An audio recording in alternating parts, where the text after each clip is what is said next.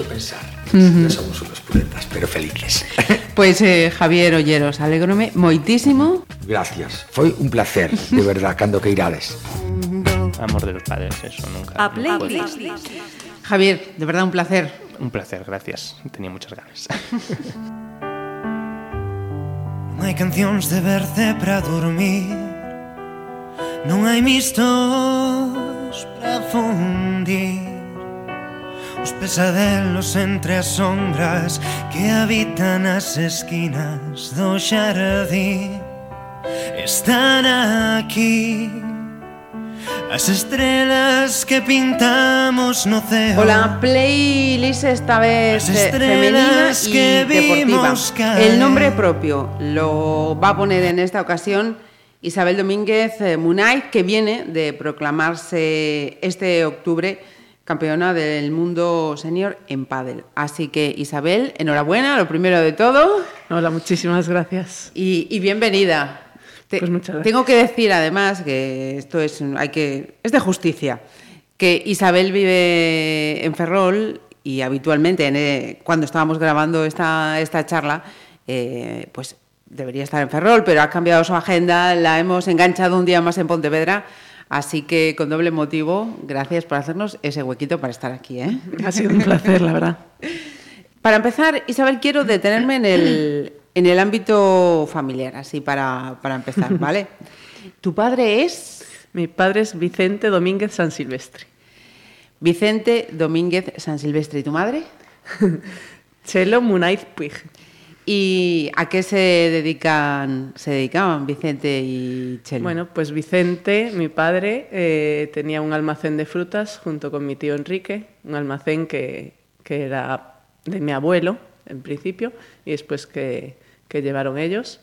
Y, y además ha montado también una bodega de albariño que tiene en Osanto, en San Senso, y, y ahora mismo pues es un poco su negocio. Y mi madre pues es, hizo magisterio, pero bueno, no ejerció, ejerció muy poquito y se dedicó a cuidar a, a todos sus hijos, que somos unos cuantos. Por eso, por ahí va la siguiente pregunta. ¿Me, me nombras a tus hermanos de mayor a menor? A todos, ¿no? Ahí va, de carrerilla. Vicente, Quique, Ricardo, Juan, María Consuelo, María del Mar, Carlos, Íñigo, después voy yo, María Isabel, también con María, eh, Alberto, Eduardo, Pablo, María Esperanza y María Beatriz. Ahí están, 14. Eh, de arriba a abajo. ¿Y mm, ¿qué, qué profesiones hay entre esos 14? ¿De todo un poco? Bueno, hay de todo un poco, sí. Eh, Vicente es economista, Ricardo hizo empresariales también, trabaja en la banca. Eh, Juan eh, hizo INEF, es el, eh, está trabajando en Santander, en el Ayuntamiento de Santander. Eh, Quique, perdón, me saltaba Quique. perdón, Quique. Eh, está en Emiratos Árabes, de entrenador de balomano. Eh, María Consuelo eh, hizo relaciones laborales, ahora mismo se dedica a dar clases de pádel también. María del Mar es diseñadora de moda. Carlos, aparejador. Íñigo hizo Derecho y tiene una empresa, ahora mismo montaron Íñigo y Pablo, una empresa de eólicos aquí Ajá. en Pontevedra. Eh, Alberto es jesuita. Ajá. Eduardo está trabajando, hizo forestales, ingeniería forestal y está trabajando en Francia, en una multinacional. María Esperanza, profesora de, de inglés. María Beatriz trabaja en Inditex y, y yo, profesora de pádel y jugadora profesional de pádel. Eh, y soy economista. Además, eh, fíjate que decía yo, caramba, cuando ha hablado de Quique y Arabia, vinculado al Teucro. Claro, Sí, estamos hablando sí. del, Ex- del mismo. Exjugador y exentrenador del Teucro, sí. Efectivamente. Mm, Reunir a día de hoy a, a todos, mm, yo creo que es mis- misión imposible, casi, casi, ¿no? Sí, O bastante todavía complicado. se... Yo creo que hace dos años nos juntamos todos, pero yo una creo que ya el año pasado ya no lo conseguimos y, Mm. Y cada vez está más difícil. Eh, Isabel, ¿qué, qué papel has ejercido con, con los cinco que te suceden? bueno, eh, no sé, pues supongo que entre unos y otros nos vamos ayudando y los mayores nos cuidaban a los medianos y los medianos pues a los más pequeños. Pero bueno, ha sido todo como muy fluido, muy fácil y era lo que veíamos en casa y... ¿Y había mucha música en la casa de los Domínguez Munay? Bueno, yo creo que había dos de mis hermanos que eran los que se encargaban de... De poner la banda sonora. sí. Según si estabas en el piso de abajo, ponía Marimar la radio y las cintas cassette grabadas de la radio también. Sí, mítico, Las mítico. canciones así cortadas para... Efectivamente. Y en este momento que Bai tenía que abrir la boca. Efectivamente. Y, y en el piso de arriba, pues yo creo que era Juan el que más música también ponía. Ponía. Pues eh, vamos con la selección que ha hecho Isabel, que mm, así en un off the record eh, creo que ha tenido así alguna influencia, han querido influenciarla, pero es, lo recuerdo, es su playlist. ¿Con qué vamos a empezar, Isabel? Pues con La carretera de Julio Iglesias, que es una canción, bueno, sobre todo Julio Iglesias, que era un poco lo que escuchábamos en el coche de mi padre cuando viajamos o íbamos a San Senso, o pues era, eh, las opciones eran música clásica, eh, radio, fútbol, básicamente, o, o Julio Iglesias. Entonces, yo creo que a todos nos gusta Julio Iglesias porque era lo que más le pedíamos a mi padre en el coche. En el coche. Pues Sí. venga, vamos con ese momento de la carretera precisamente con Julio Iglesias.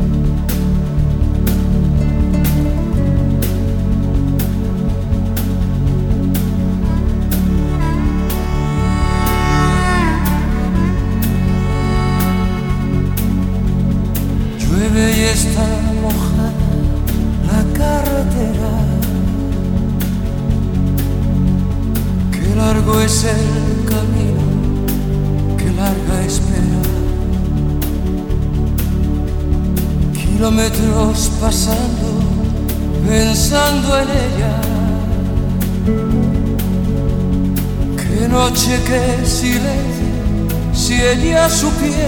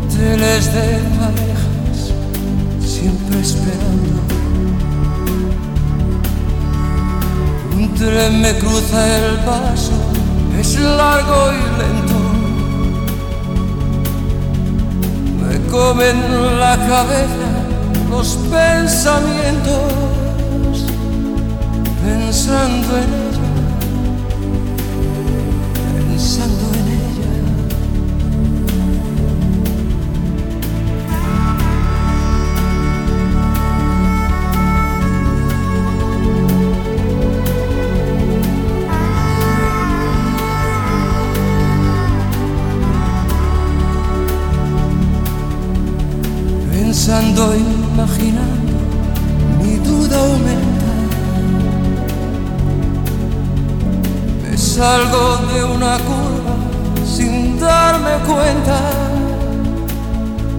La aguja marca 140. Sigo en la carretera buscándote. Al final del camino te encontraré. Aceleré, y está mojada la carretera. Y yo sintiendo celos, pensando en ella. perdido entre la duda y la neblina. Estoy quedando solo, sin gasolina. Llueve y está mojada la carretera. Yo sintiendo celos de sus ojeras. Llueve y está mojada la carretera.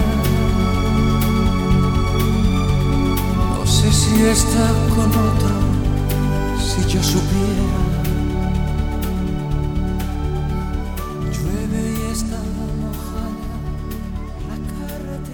¿Cómo se organizaba la, la familia así en un día, en un día normal? Pues mira, por las mañanas, eh, bueno, los desayunos y las cenas eran muy fáciles. Bueno, a mí me parece fácil, pero bueno, claro, poner después 14 tazones de leche con colacao y, y pan mojado y trocitos de pan, pues, pues Tenía tiene su tela. Sí, sí, sí. Y, después, pues, ir al colegio. eh, yo iba a Placeres, por ejemplo, teníamos el autobús con mis hermanas, íbamos en el autobús. eh, después eh, íbamos a entrenar al tenis a la caída, pues a lo mejor ya aprovechaba el autobús del colegio y me iba al club de tenis, o si veníamos a Pontevedra, pues a lo mejor me- nos tenía que subir mi padre al club a, los que hacíamos tenis. Después los de balonmano iban por otro lado. Eso está diversificado. O tenis o balonmano. y, o algún empleado de paso que hacía el reparto de la mercancía, pues nos dejaba allí en el, en el club de tenis.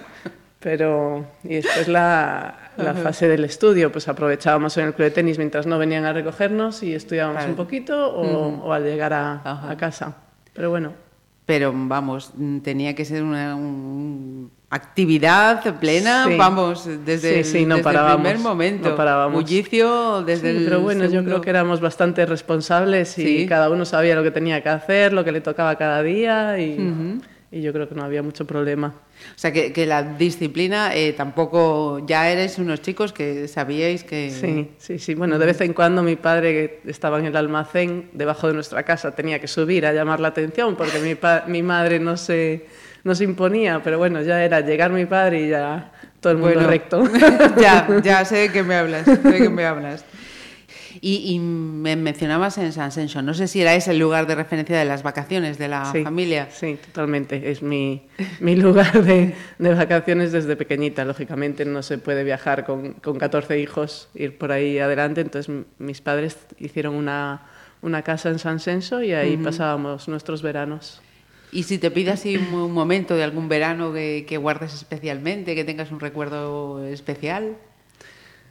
No sabría ¿Tantos? decirte, sí, no sabría decirte un, un momento determinado, pero es que era, era bicicleta para aquí, para allá, pista de tenis y jugar y entrenar, levantarnos, ir a entrenar. Eh, mi padre decía, hay que romper el frontón, de tanto peloteo contra la pared hay que romperlo. Y, y nada, ir a la playa. Mm, Por lo visto, yo no recuerdo, pero por lo visto la gente se quedaba mirando cuando mi madre llegaba en el 600 y empezaban a bajar niños del, De aquel del vehículo. 600 y, y era la atracción de, de las mujeres. Esperar a ver a mi madre llegar con, con la plantilla. Sí, señor. Sí, señor. Y mm, eh, ahora que dices de, de- de la plantilla, eh, un equipo, claro, más que un equipo, vamos, había para hacer banquillo y todo. ¿Hacíais así juegos de, Sí. de equipos? y- Sí, sí, jugábamos al Balonmano. al, béisbol también. que- ¿También? sí. La ¿Y lo del casa- béisbol cómo vino? Pues no lo sé. A mí ya me lo dieron hecho. Yo me levanté un día y estaba jugando al béisbol, pues venga, al béisbol. Y jugábamos con las pelotas de tenis, claro, que en casa nunca faltaban, y un bate de béisbol de madera, y, y- y lo ideal era tirarla a la casa del vecino, a ver, que esa, esa pelota ya no volvía nunca más. Qué Pero bueno, como éramos bastantes, había muchas bases, había equipos y muy divertido. ¿Y Isabel era de las eh, de las que llevaba la voz cantante entre los hermanos o No. era así, como dicen aquí, guiadiña? No, la voz cantante yo no, no la suelo llevar, pero bueno. ¿Quién era Eh, ahí de los 14 que el que llevaban? ¿Mayor? No, no sé. Yo creo que, no sé, entre todos. A ver, los mayores, lógicamente, siempre, los que siempre imponían. dirigen, sí, pero yo creo que había eh, como dos grupos. Uno de los mayores de todo que ya jugaban a otra cosa, a lo mejor, y después ya los otros, pues a lo mejor Carlos Íñigo, a partir de Carlos Íñigo hacia abajo, jugábamos en otra. en otra división. Sí. Mira, y si te digo que me hables de, voy a ver si soy capaz de pronunciarlo, Piriciswit. que no sé si es así. Piriciswith. Piriciswit. Vale. Venga, explique- explícanos a ver de dónde viene esto. Bueno, es que en mi casa solemos poner muchos apodos. Últimamente creo que soy yo la que más apodos pongo a mis sobrinos y eso. Y a pesar de que a algunos no les gusta, yo insisto. Y Piriciswith, pues bueno, de María Isabel, es una evolución bastante complicada, te diré.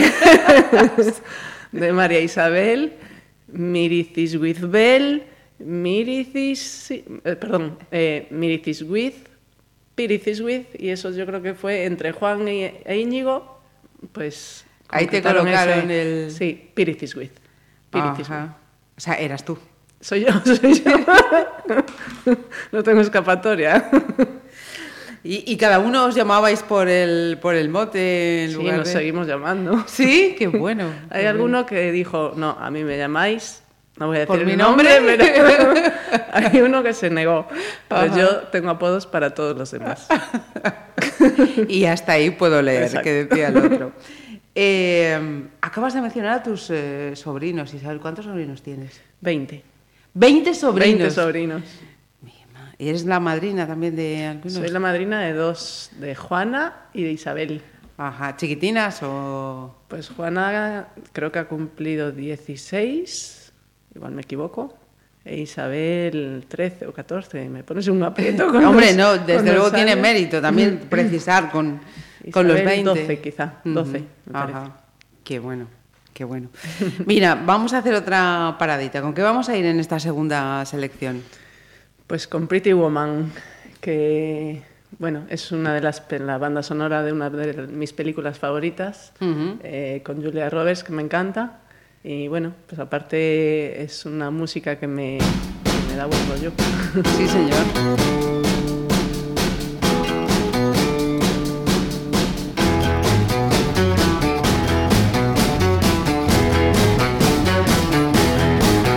Pretty woman walking down the street, pretty woman, the kind I like to meet, pretty woman. I don't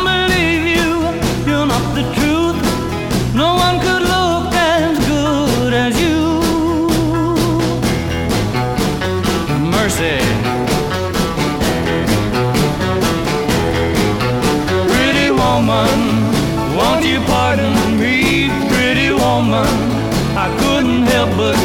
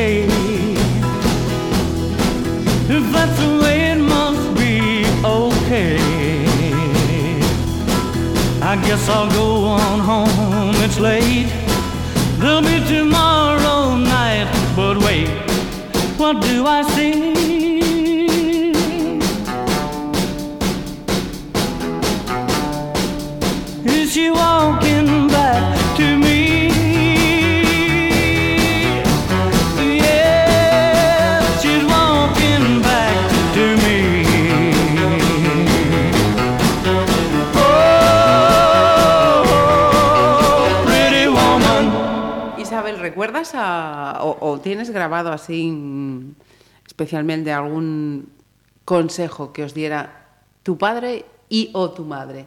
Bueno, mi padre siempre nos dice que, y de hecho creo que hizo algún cartel o algo así, de el trabajo dignifica. La frase, el trabajo dignifica, es muy mítica de mi padre. y, y creo que, que todos lo llevamos a rajatabla porque creo que somos bastante trabajadores todos. Ujú. y, y eso, bueno, nos lo inculcaron ellos, tanto mi padre como mi madre, lógicamente. Ajá.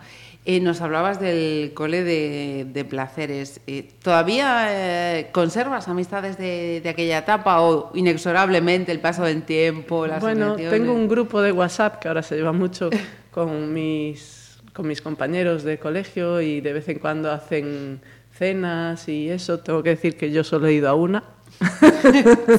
La agenda no ha dado para más. Perdón. Eh, ellos quedan más que yo, pero bueno, yo también al estar fuera y tal se me complica y mi agenda bastante complicada. Intensa.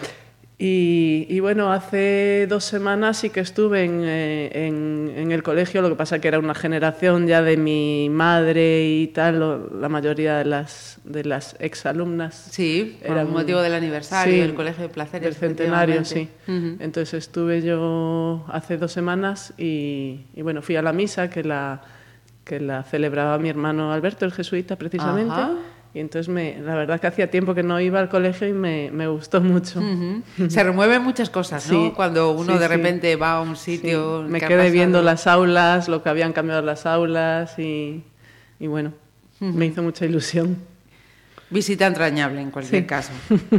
Mira, y he leído que, que tú has sido una gran estudiante.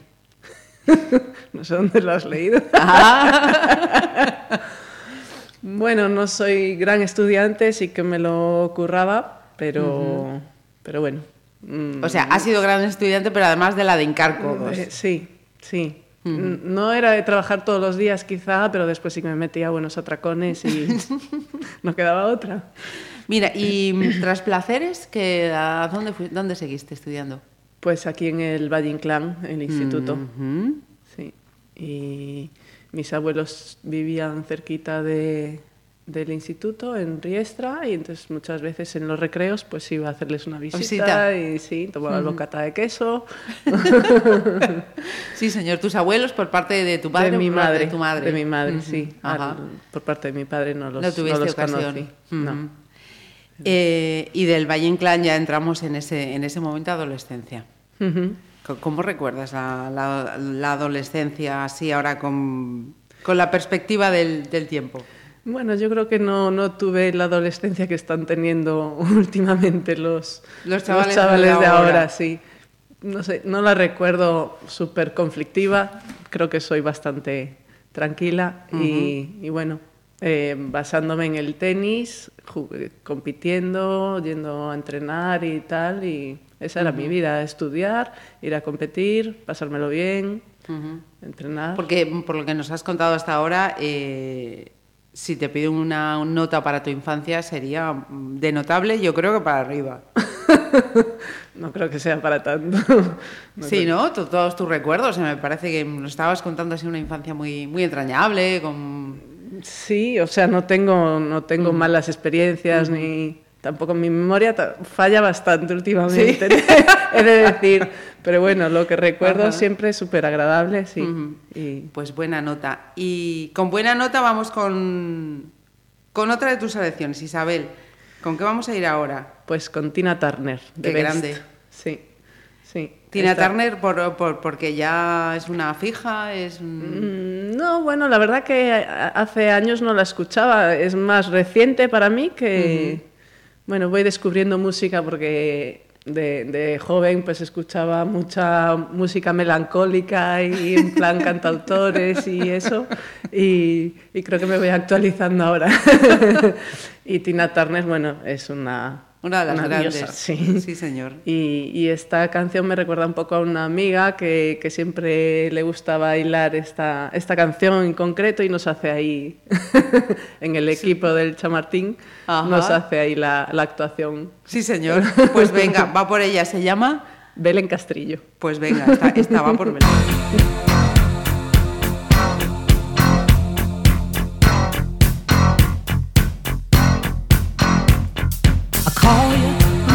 My heart's on fire.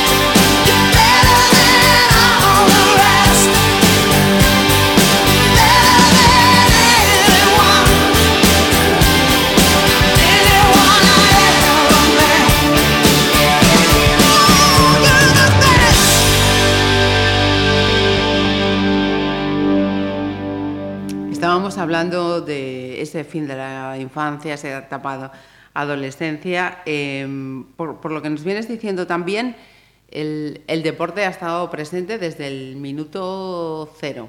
Sí, sí, desde- en toda la familia, además.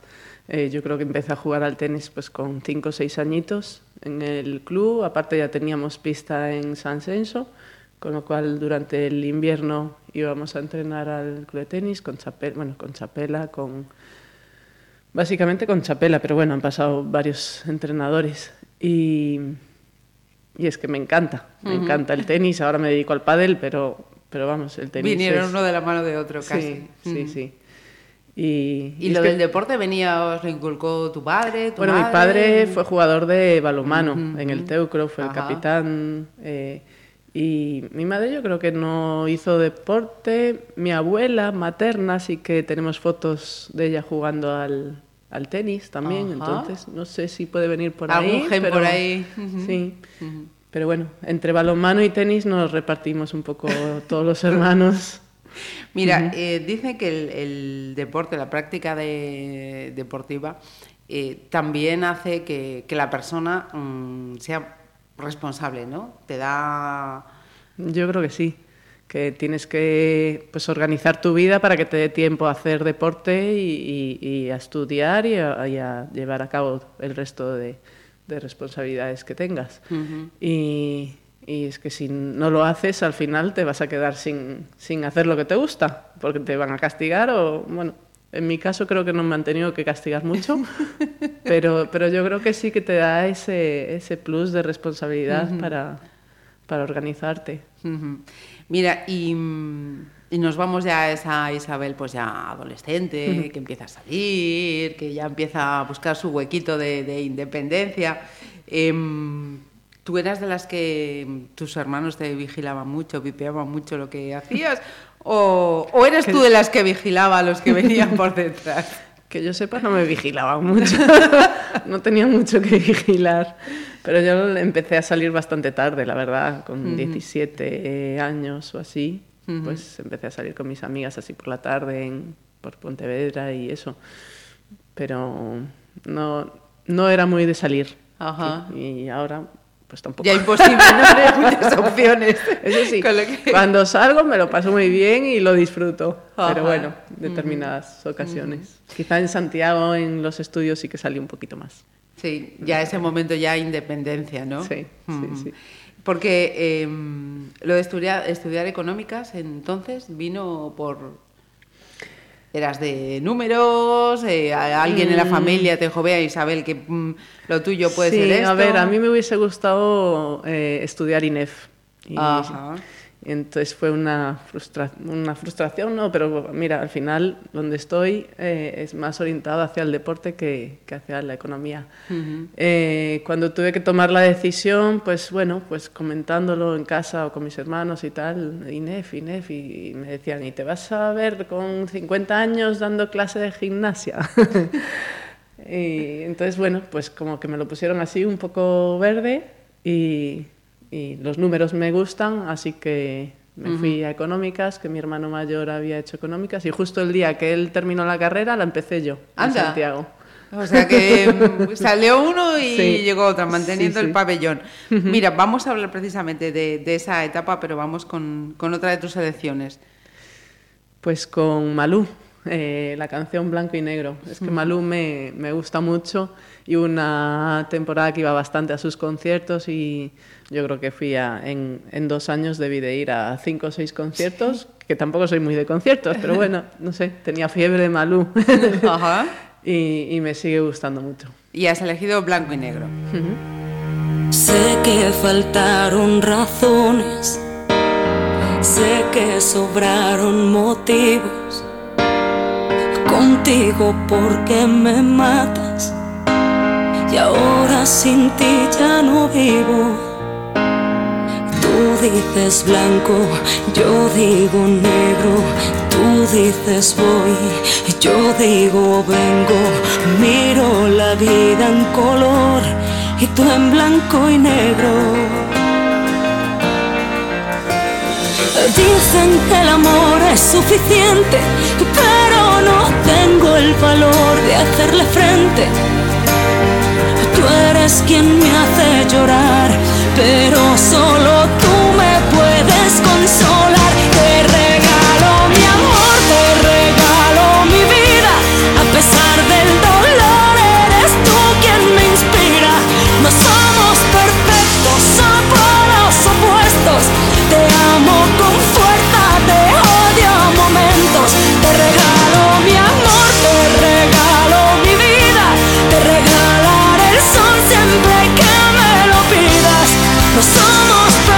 Somos los opuestos.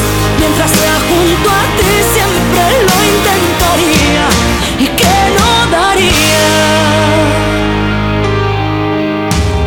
Me odias, me quieres, siempre contracorriente. Te llevo en mi mente desesperadamente. Por más que te busco, eres tú quien me encuentra. Dicen que el amor es suficiente, pero no tengo el valor de hacerle frente.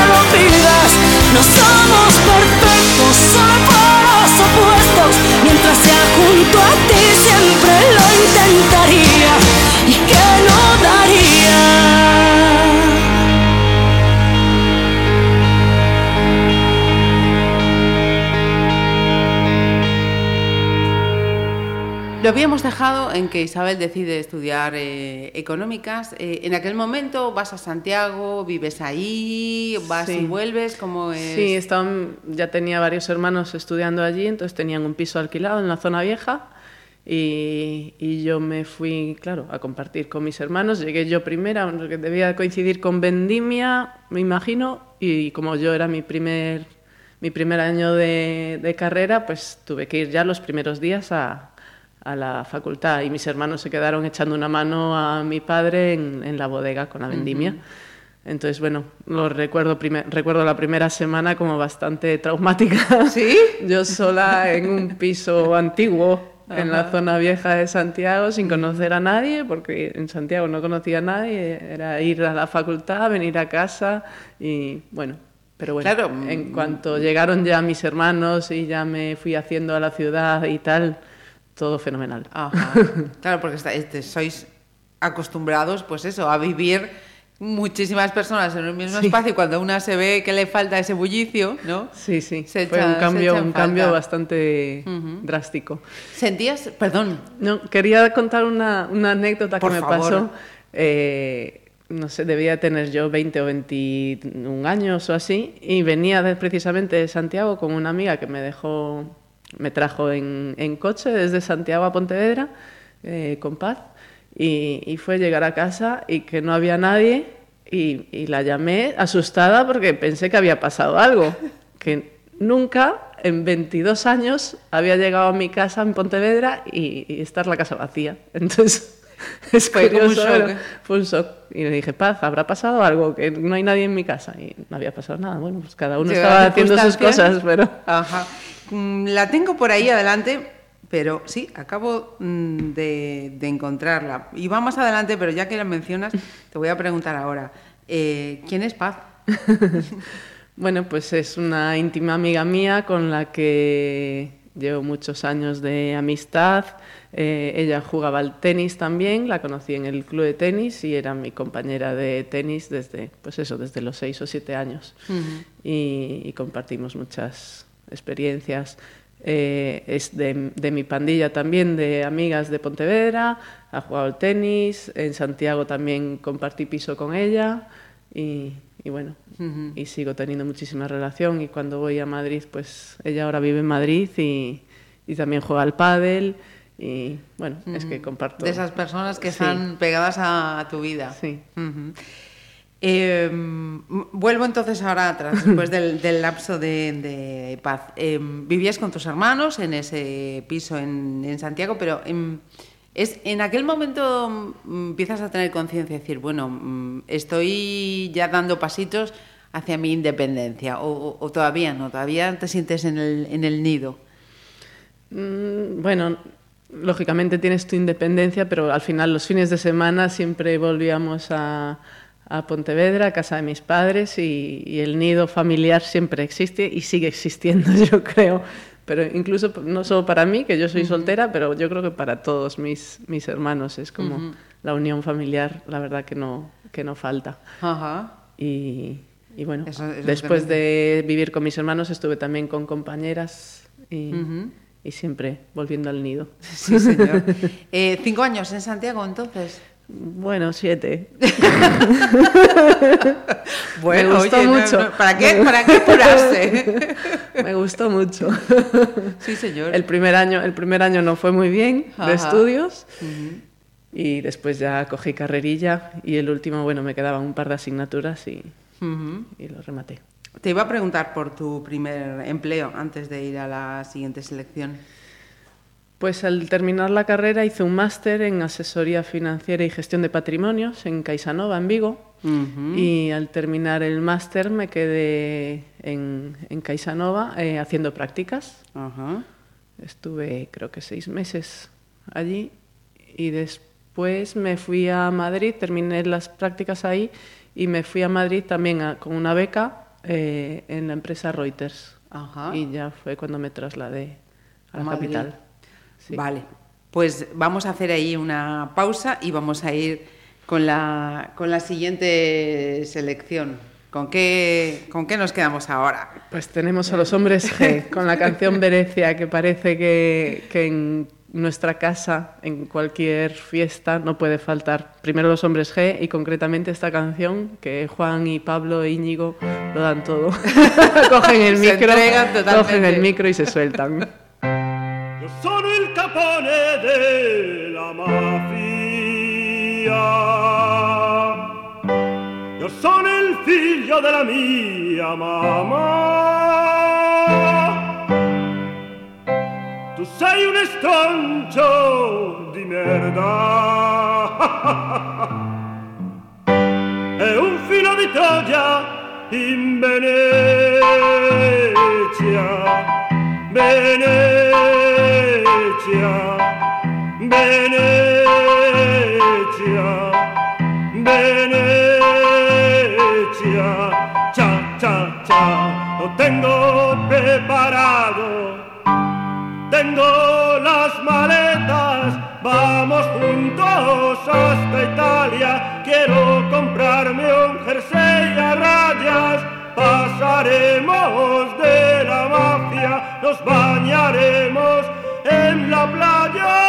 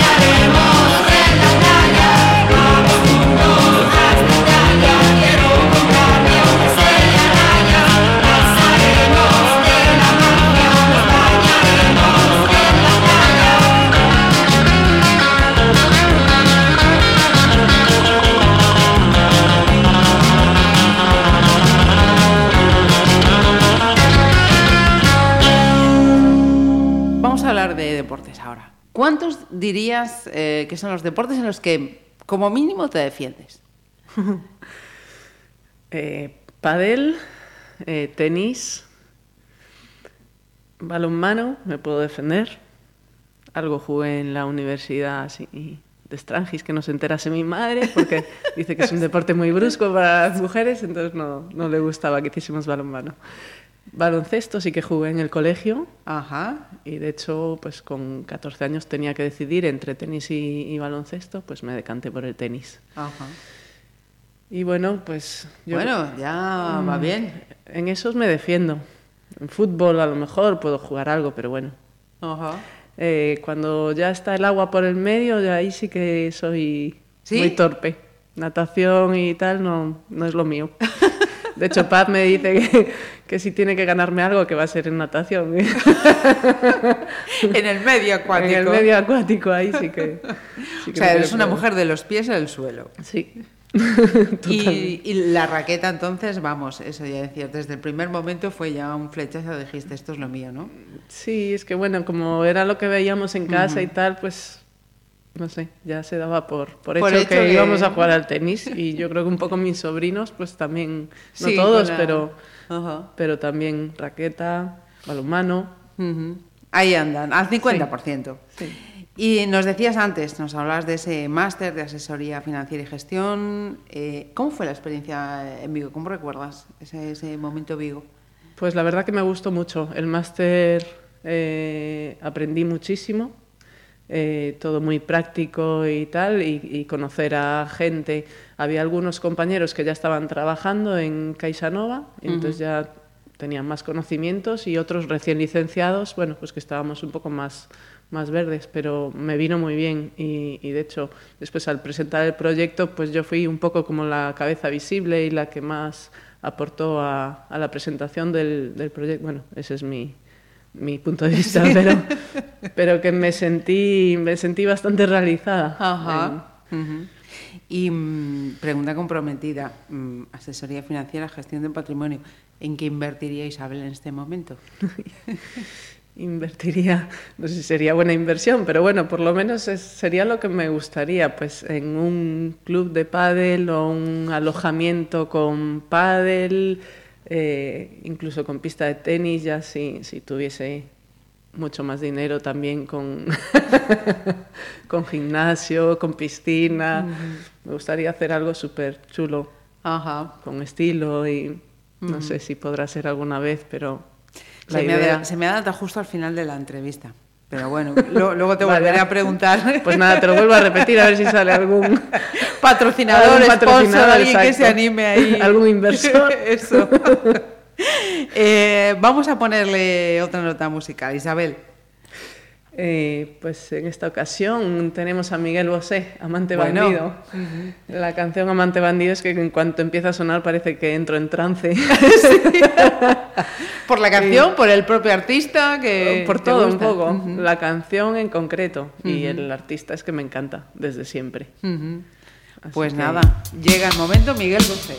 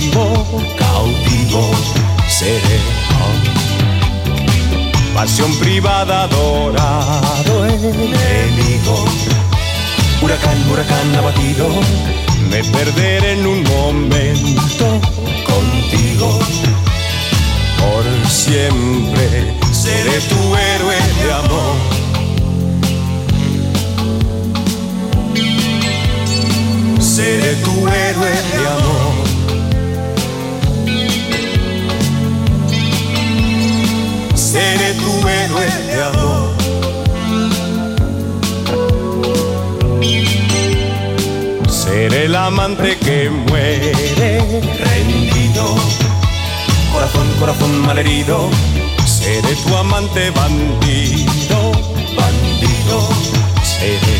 ah. Y en un oasis prohibido, prohibido, por amor, por amor concebido, me perderé en un momento contigo. Por siempre seré tu héroe de amor.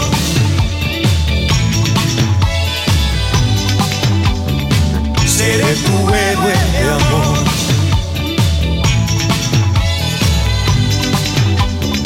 Seré tu héroe de amor.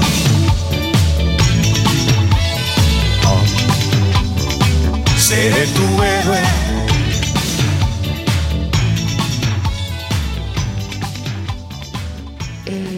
Nos has dicho, eh, se ha adelantado también a, a otra de las preguntas que tenía prevista. ¿Cuál es el estado civil de, de Isabel Domínguez? Y ha dicho soltera.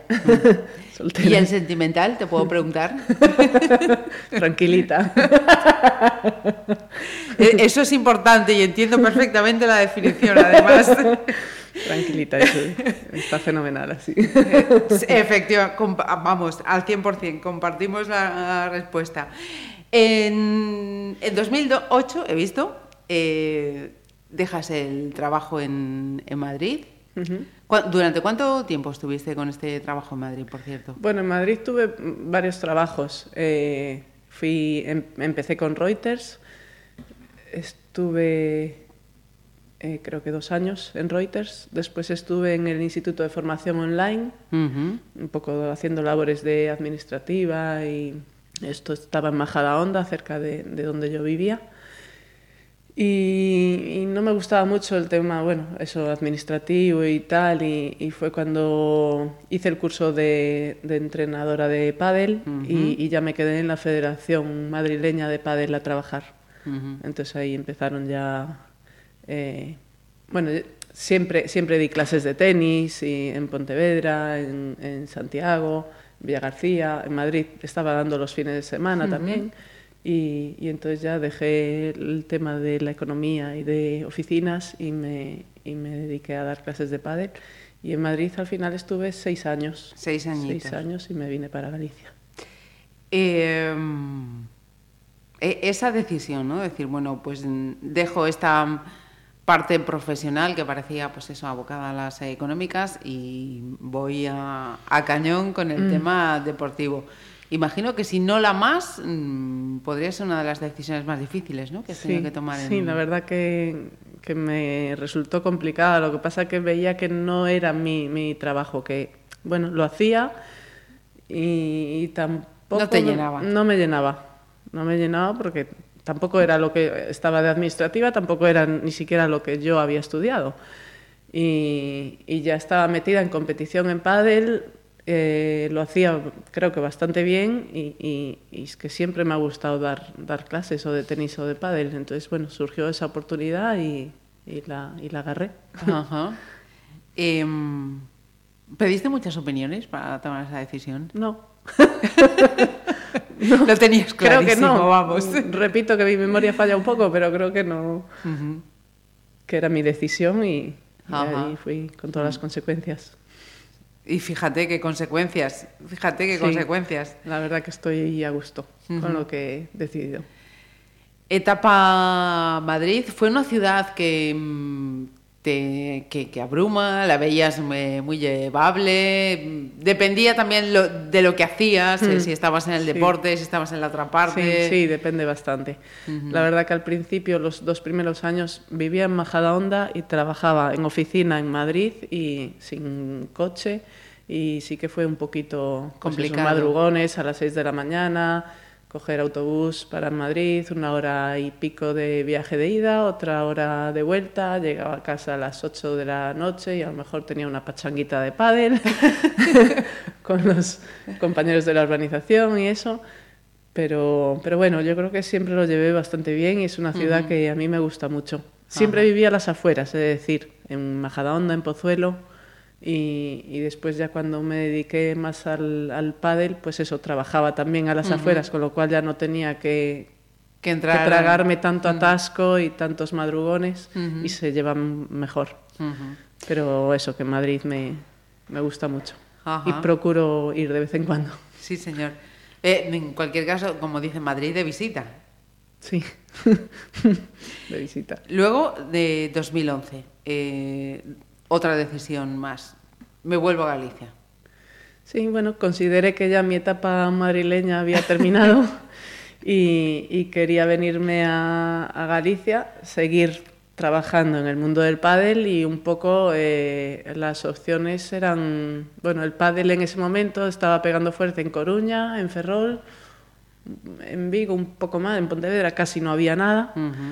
Eh, con lo cual, eh, bueno, hablé con, con mi amigo Mateo García de los Reyes, que tenía un club en Narón, que es donde estoy trabajando ahora mismo, y, y me abrió las puertas y, y allí estoy desde ese momento. Llevo mi escuela, eh, trabajo en este club, pero, pero independientemente del club, y, y la verdad que estoy muy, muy a gusto con la gente y me han recibido muy bien. Se le nota, ¿eh? Que conste. Eh, vamos ya por la séptima. A ver cuál toca ahora. Pues I Will Survive de Gloria Gaynor. Todo un Eh, himno, sí, señor. sí, Una declaración de, de- de vida, diría yo. Esta canción eh, la conocí hace años porque Alex Correcha, el tenista, ¿Sí? dijo que era su canción favorita. Y creo que la pusieron en alguna Copa Davis, que fui yo con mi amiga Paz, precisamente en Santander, y, y- y sonaba y la repetía y no sé qué. Y yo creo que eh, a partir de ese momento era como nuestro himno, pero de, de- de la pandilla de tenistas. Sí. Y cuando sonaba por las noches era... pues, Subidón. subidón. subidón, hacíamos corro y venga. Ahí lo dabais todo Ah, también. Otra Sí, vez. señor. Pues venga, vamos a rememorar.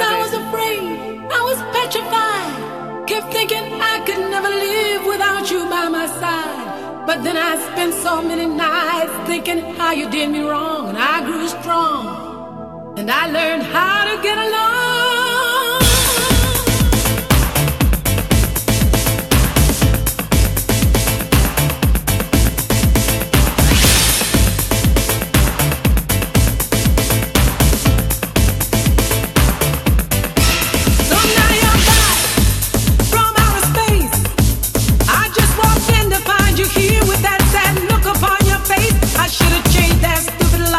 should have made you leave your key. If I'd have known for just one second, you'd be back.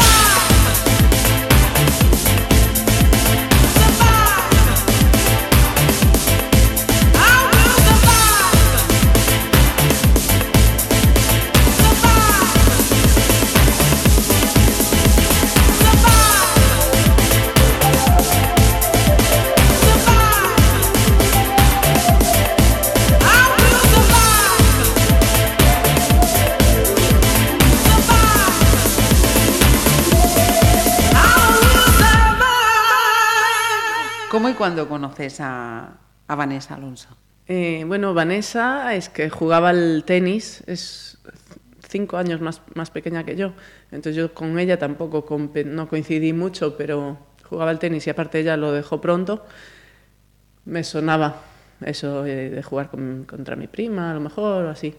Y, y ahora ya más adelante, pues eh, coincidimos en pádel, coincidimos en pádel y en Galicia, en las competiciones en Galicia, una vez que yo ya retomé eh, aquí el pádel, eh, pues casi siempre las finales de los campeonatos eran, ella jugaba con Carmen León y yo jugaba con Silvia Arroyo, entonces nos enfrentábamos casi siempre en finales. Y bueno, ella jugaba el World Padel Tour, fue cambiando de compañera, yo también, y, y hace dos años pues nos, nos juntamos porque yo jugaba con una argentina, ella también con otra argentina, pues eso. eh, y rompimos nuestras parejas y. Eh, fíjate qué pequeño es el mundo. Acabas de mencionar a una jugadora, a Carmen León. sí, ¿Sabes de dónde es Carmen León? de La Rioja. Y si te digo que hasta somos familia, No me digas. qué pequeño es el mundo. Un abrazo, Carmen. Al comienzo te, de- te decía, háblame de Piristiwit. Piritiswit, que no lo has dicho bien. Jolín, se me va. Piritiswit, ¿eh? no me extraña. Y ahora te digo, háblame también de La Gallega. La gallega. Sí, he leído por ahí que cuando estabas en Madrid, eh, Isabel Domínguez era La Gallega. Gallega. Bueno, sí, claro. Pero los gallegos, hay muchos gallegos por el mundo. Y, y nada, pues en Madrid eso, en el circuito, en el circuito madrileño. Bueno, no solo estoy yo, porque está Paz, está Paula Hermida, eso somos las gallegas más bien en el circuito madrileño. Ajá. Y, y bueno, y incluso en el Golpa del Tour también ahora Van y yo, pues somos las gallegas, es que Hay mucha, mucha presencia entonces, eh, hay mucha representante. Sí, sí, cada vez más. Eso, pues el pádel en Galicia está creciendo y lógicamente la gente sale a competir y. Y con buenos resultados. Sí, sí, sí. Hay mucha competencia. Em, 2013, un año para recordar en la vida de Isabel. Dame alguna pista. Campeona de España por equipos, campeona de España por comunidades Ah, autónomas. sí. Eh, la verdad que, bueno, las competiciones por equipos a mí me encantan.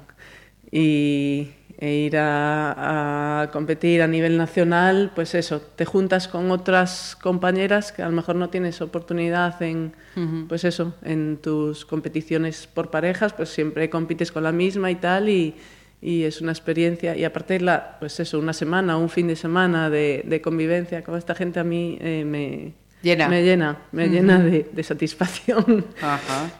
Y, y bueno, y encima si te traes los títulos, pues claro, todavía mucho Vamos, más. ya redondo, redondo total. Sí, sí. Vamos a hacer otra paradita, Isabel. Pues vamos con Enrique Iglesias. Aquí he de decir que, que Enrique Iglesias, bueno, me gustó desde que sacó su primer disco y, Ajá. y recuerdo en el vestuario del club de tenis que Paz hace muchos años me decía, a ver, Isa, canta, porque a ella le encanta cantar en la ducha, a mí no. No me, no me gusta cantar porque lo hago fatal. Entonces siempre me decía, a ver, Isa, canta. Y entonces la canción que estaba sonando en ese momento pues era... eh, Era esta. Lluvia cae. No, Ah. no, no. Era Lluvia cae de Enrique Iglesias, pero claro, Sí. lógicamente no iba a traer esa canción.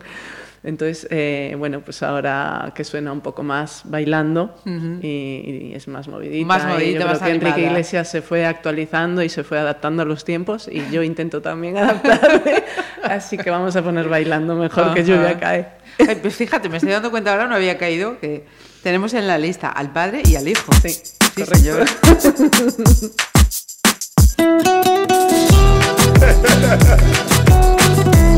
Enrique Iglesias.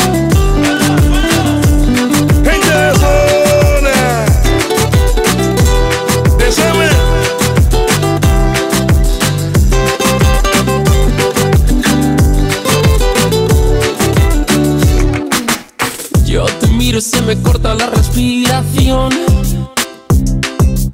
Cuando tú me miras se me sube el corazón. Me palpita lento el corazón. Y en un silencio tu mirada dice mil palabras. La noche en la que te suplico que no salga el sol. Bailando,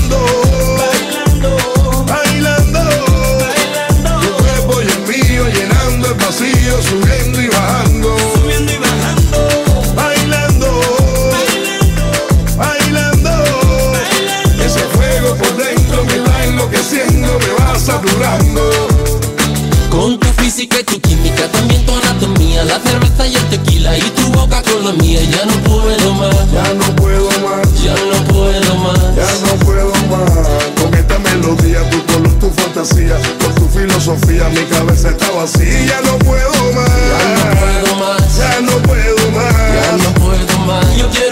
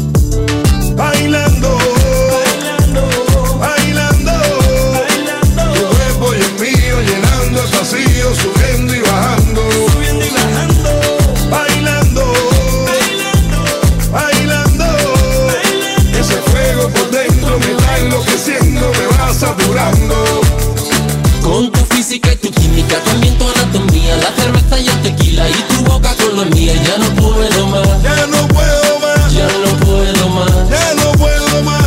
Con esta melodía, tu color, tu fantasía Con tu filosofía, mi cabeza está vacía. Ya no puedo más Ya no puedo más, Ya no puedo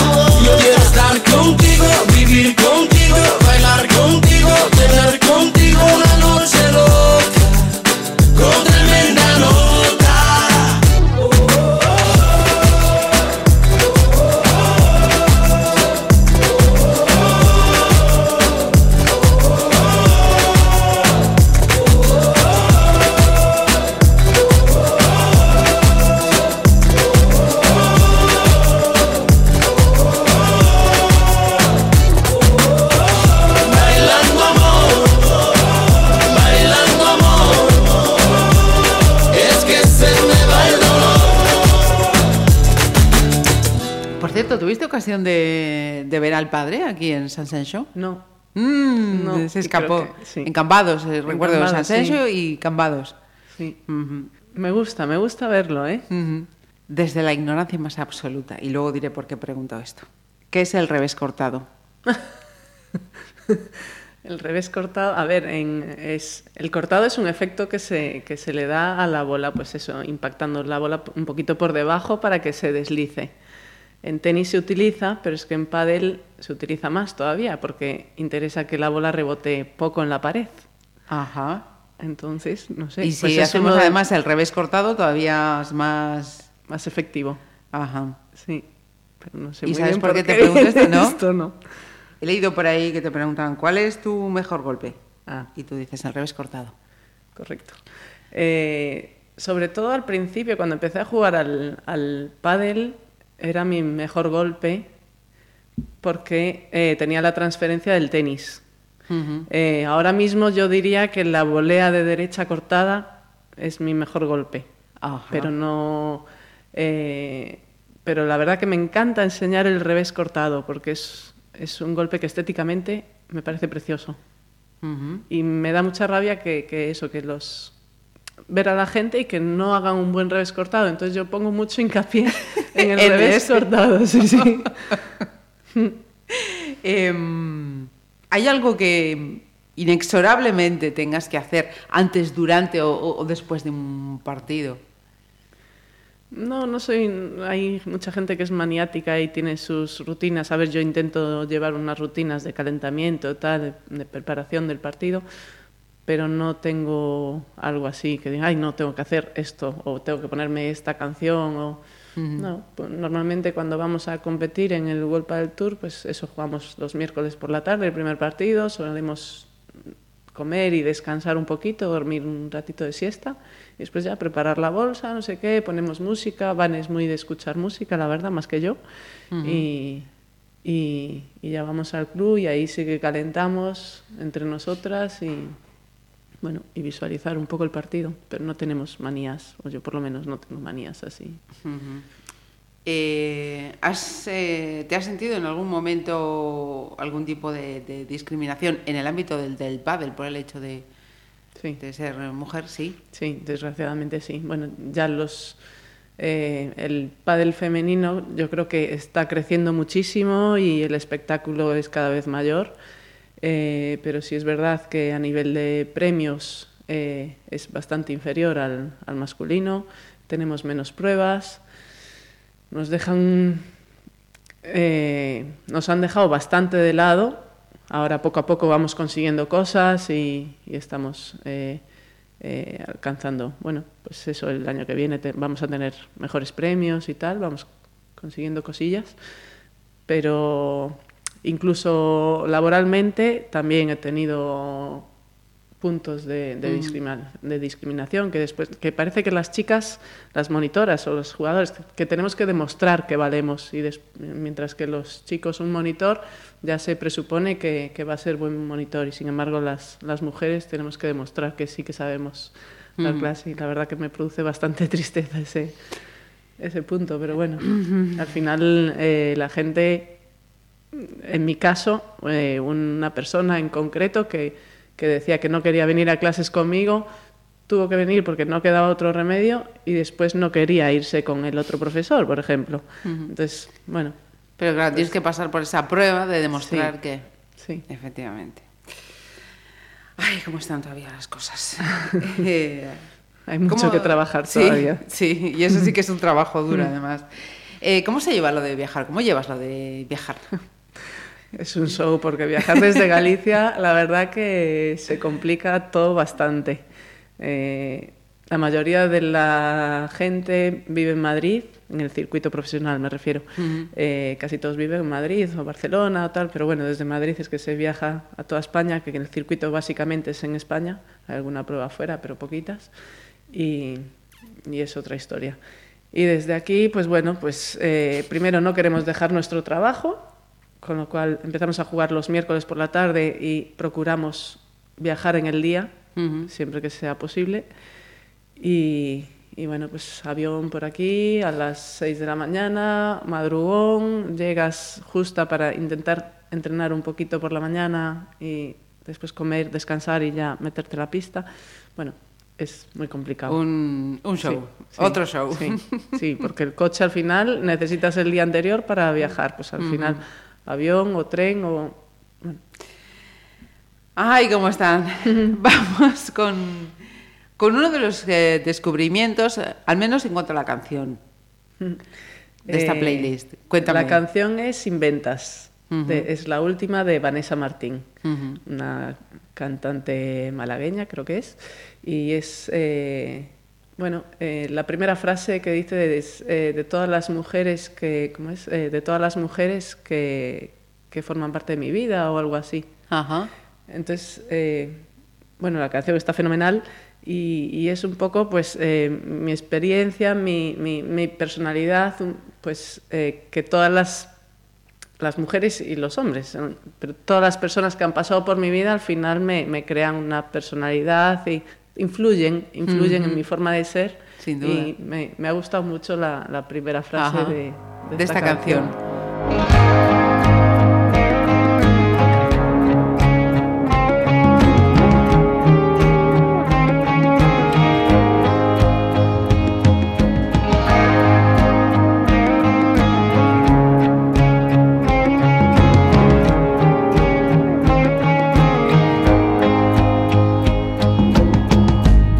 Las mujeres que habitan en mí.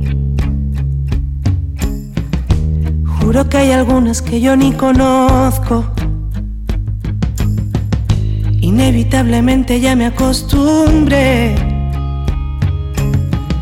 a dejarle a la izquierda lo que no controlo.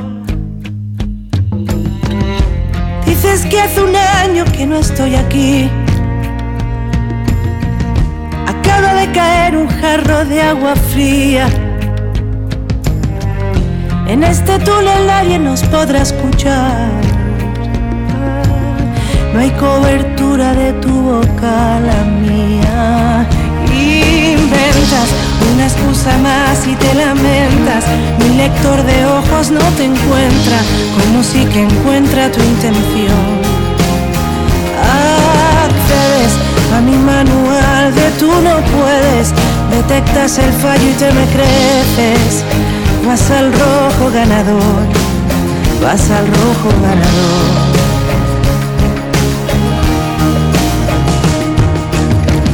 Es demasiado tarde para dar la vuelta. Demasiado pronto para saber quién soy. Mi vida se quedó rondando alguna puerta, alguna puerta, pero también saltó a pleno pulmón. Las tornas van cambiando y yo no pido cuentas. En más de una ocasión me he jodido yo. Vencí al delirio por la escuadra y sin grandeza. Y nos vamos a la cama, sigue siéndonos. Inventas una excusa más y te lamentas. Mi lector de ojos no te encuentra, como si que encuentra tu intención. Accedes a mi manual de tú no puedes, detectas el fallo y te me creces, vas al rojo ganador. Una excusa más y te lamentas, mi lector de ojos no te encuentra, como si que encuentra tu intención. Accedes a mi manual de tú no puedes, detectas el fallo y te me creces, vas al rojo ganador, vas al rojo ganador.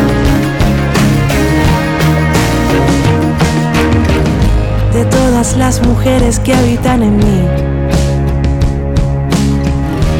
juro que hay algunas que yo ni conozco.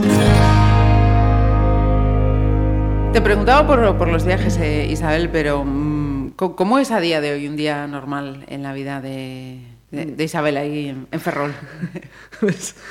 Madrugas si, me quieres, si, me quieres, si me quieres localizar, solo tienes que ir al club, que seguramente me Ahí estás. De las 24 horas, 26 Eh, estás ahí. Casi, casi. A ver, por las mañanas tengo, tengo clases, pero tengo menos clases. Sobre todo el, el, el grosso de mi trabajo es por las tardes. Pues de 4 a 10 de la tarde estoy en el club eh, dando clases. Y por las mañanas pues tengo algunas, a lo mejor una, dos, depende, y procuro entrenar. Eh, lunes, miércoles y viernes entreno con Mateo y eh, Mateo nos entrena a mí y, y a otro chico, a Borja.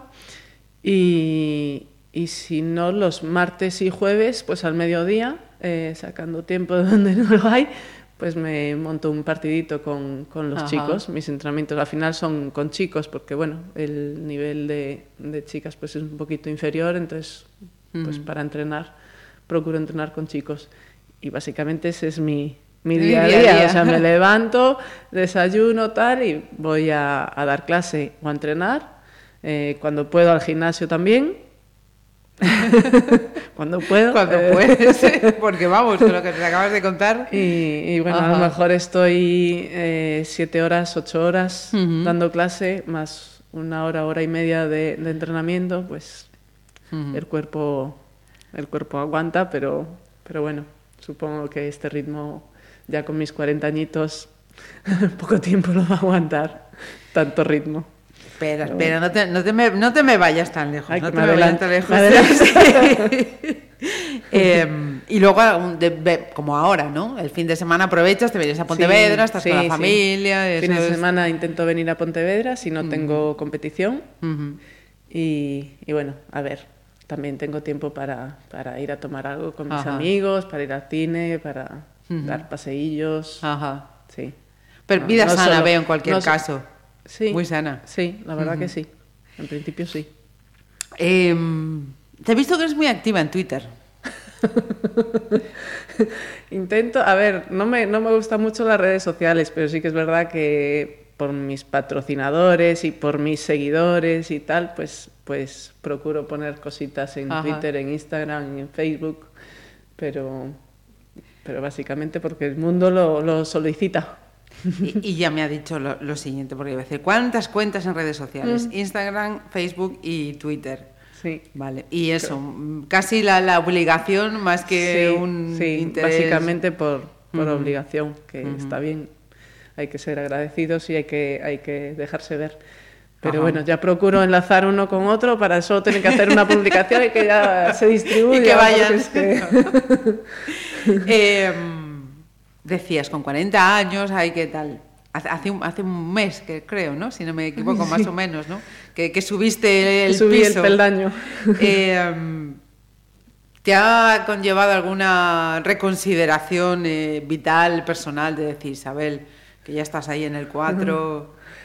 A ver, eh, yo pensé que iba a ser un, no sé, la gente dice, joder, los 40, que la crisis de los 40 y tal, y para mí, en absoluto. Nada. No, todo lo contrario. Ha sido un... Aparte hice una fiestecilla en, con mis amigos, con mi familia, en, en San Senso, en la Ajá. bodega de mi padre, Ajá. y estuvo casi toda mi familia, no toda, pero...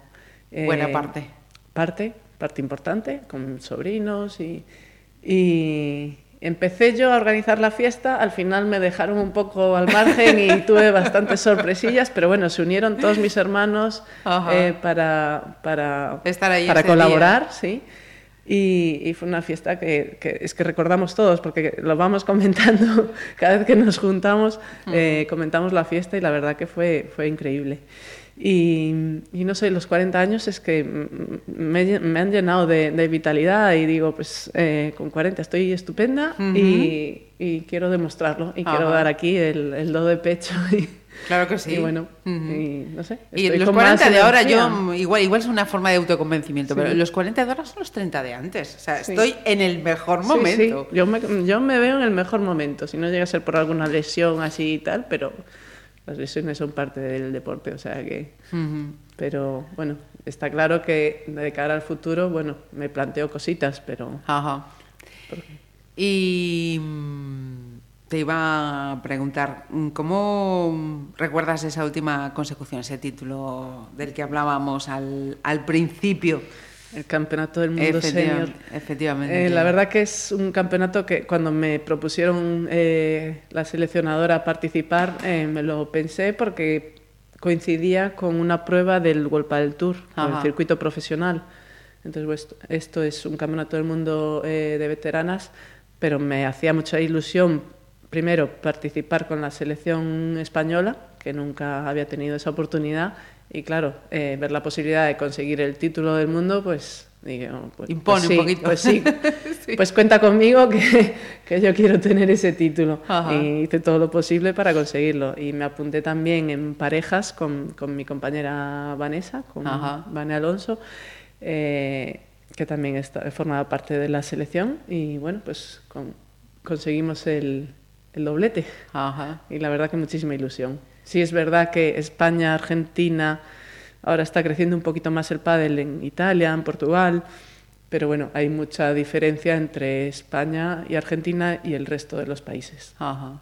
Pero sí, bueno, los argentinos están ahí, están Sí. ahí dando, dando Mm. fuerte.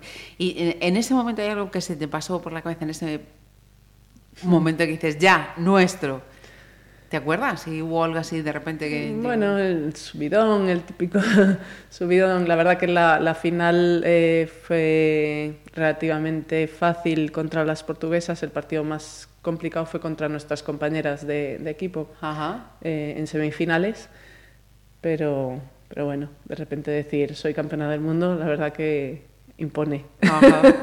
Me imagino, eh, o, o, puedo intentar imaginarme en ese momento el teléfono de, de Isabel Sí, echando humo. Sí, sí la verdad humo que he tenido muchas, muchas felicitaciones y mi familia, mis amigos, eh, gente incluso que no conocía, que me daba la enhorabuena y sí. Y antes de, de terminar, eh, la pregunta con respuesta, pero sin respuesta. Porque yo quería eh, terminar preguntándole, ¿para cuándo una escuela de pádel? Y ella nos lo ha dicho en algún momento. Pues para cuando alguien se anime a, A ir- invertir. No, me encantaría tener algo propio y algo diseñado a mi gusto y, y no sé, con mi estilo. Pero bueno, es un sueño que tengo ahí que no sé si en algún momento se, se va a realizar o será algo más pequeñito. Yo creo que algo propio tendré, pero, pero bueno, mm, no sé si con las expectativas demasiado altas que tengo será posible. Pues eh, por esos sueños cumplidos, eh, Isabel, muchísima suerte en todo lo que te propongas. Muchísimas gracias. ¿Y, y con qué vamos a terminar? Cuéntame. Pues vamos a terminar con un cantautor, que toda la vida me han gustado los cantautores, no sé si lo he dicho antes ya, y en este caso es Freddy Leis. Eh, este chico es de Santiago, vive en Madrid, y, y la canción se llama Santiago, y es que para todos los que hemos estudiado en Santiago, eh, eh, escucháis la letra y, y tiene muchas referencias que, que te llevan otra vez a esa A etapa universitaria. Por favor, escucharla con atención y es que a mí me encanta. Pues eh, va a ser la última selección de Isabel. De verdad que ha sido un placer y lo dicho, muchísimos éxitos. Muchísimas gracias, el placer ha sido mío.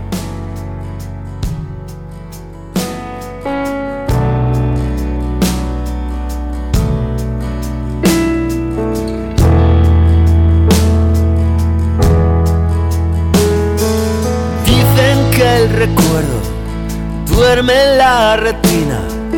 Dicen que hay ciudades que desprenden dopamina.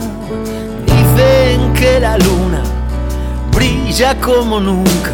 Si la miras desde calles donde bailas con la tuna. Dicen que es coqueta. Dicen que enamora. Dicen que hoy es jueves, dicen hoy salgo sin hora. Lleva una afición que te canta el miudiño. Lleva la emoción de ser garganta de un equipo.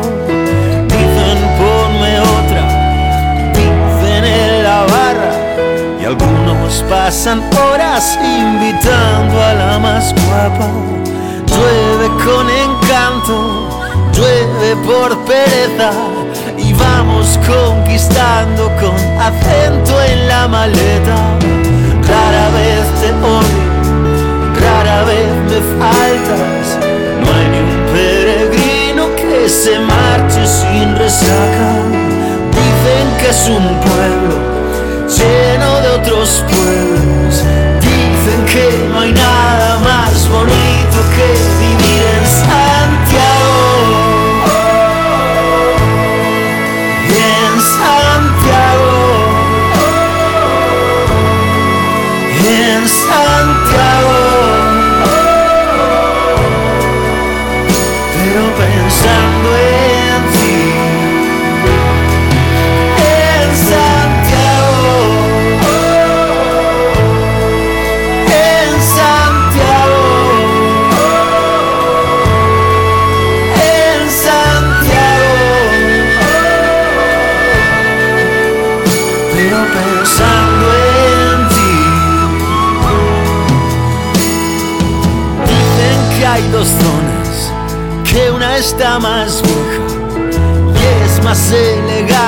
incluso que la moraleja. Dicen que hay terrazas llenas de estudiantes, locos por las tapas y el amor de facultades, algo pasionales, somos algo pasionales. Gracias al Pedroso que da sitio en los hostales, música en directo, atletas de Alameda, tocó el mar sin probar la carretera. Vi llorar de rabia, vi llorar de pena. Vi la unión de la plantilla contra la tragedia. Vi que hay miradores en todas las ventanas. Vi que hay más parejas donde hay